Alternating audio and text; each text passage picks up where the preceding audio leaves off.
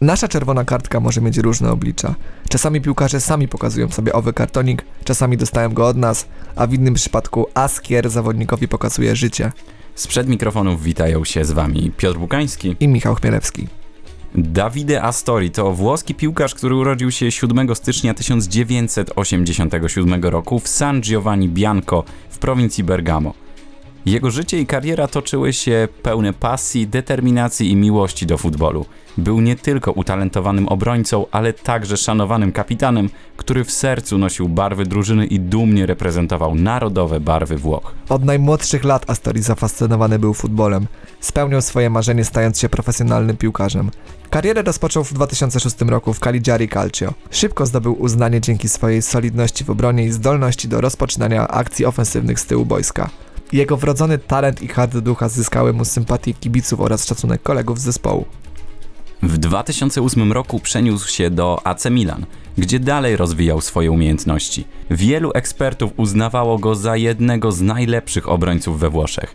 Wraz z Milanem brał udział w europejskich pucharach, gdzie prezentował się naprawdę nieźle. Jednak prawdziwie spektakularny moment w karierze Dawida Astoriego nadszedł, kiedy w 2014 roku dołączył do Fiorentiny. W tym klubie odnalazł swój prawdziwy futbolowy dom i zdobył miano ikony zespołu. Jego charakterystyczne, ciemne włosy, które dumnie wybiegały spod koszulki, stały się symbolem oddania i pasji, jaką Włoch prezentował na boisku.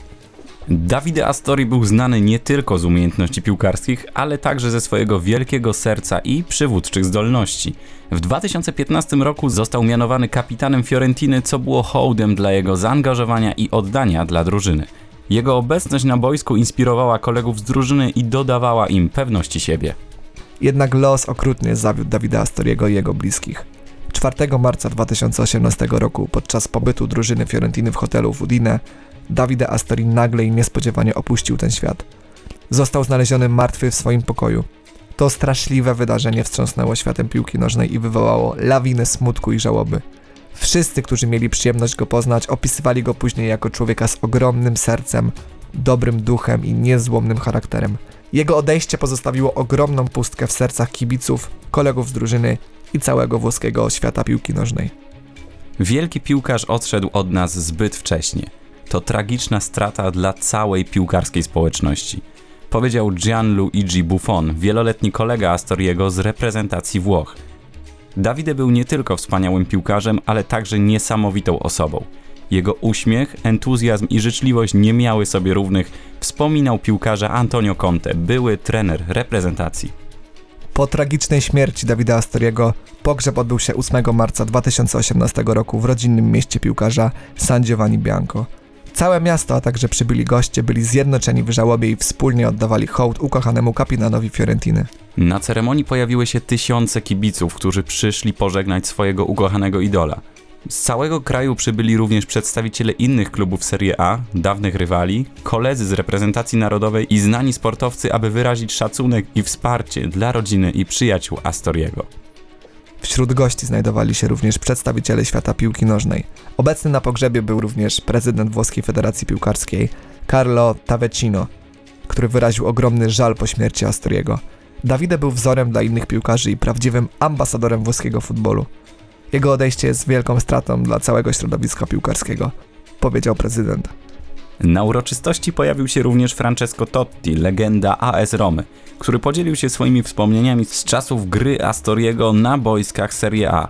Davide był niezwykłym rywalem i przyjacielem. Wspólnie przeżywaliśmy wiele chwil na boisku, a nasza przyjaźń poza nim była nieoceniona. To straszna i niesprawiedliwa strata.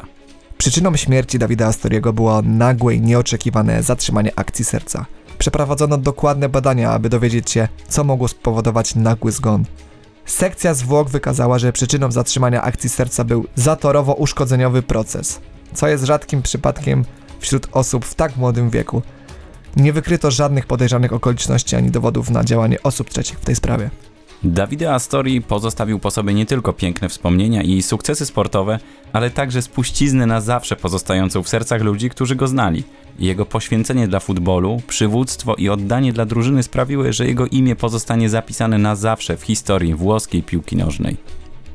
Statystyki również mówią same za siebie. W sumie Astori rozegrał ponad 280 meczów Serie A, zdobywając 10 bramek i notując kilka asyst.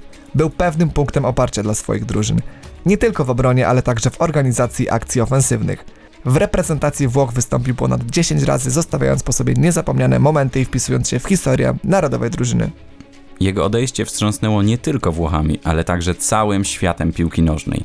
Kibice z całego świata składali hołd i wspominali go jako wzór sportowca i wzór człowieka. Davide Astori stał się symbolem oddania dla gry, miłości do futbolu i wartości, jakie powinien reprezentować piłkarz na boisku i poza nim.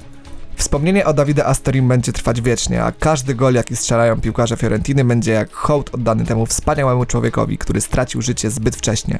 Davide Astori, jedna z najjaśniejszych gwiazd na piłkarskim niebie, która przepadła w ciemności tragicznego losu.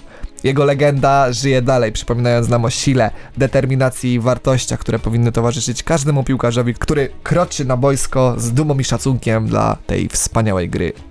A już za tydzień w kolejnym odcinku audycji Czerwona Kartka opowiemy o legendarnym zawodniku Arsenalu, który nie tylko pił, ale też ćpał i obstawiał Bugmachera, przez co stracił nie tylko swoją piłkarską karierę, ale też pieniądze.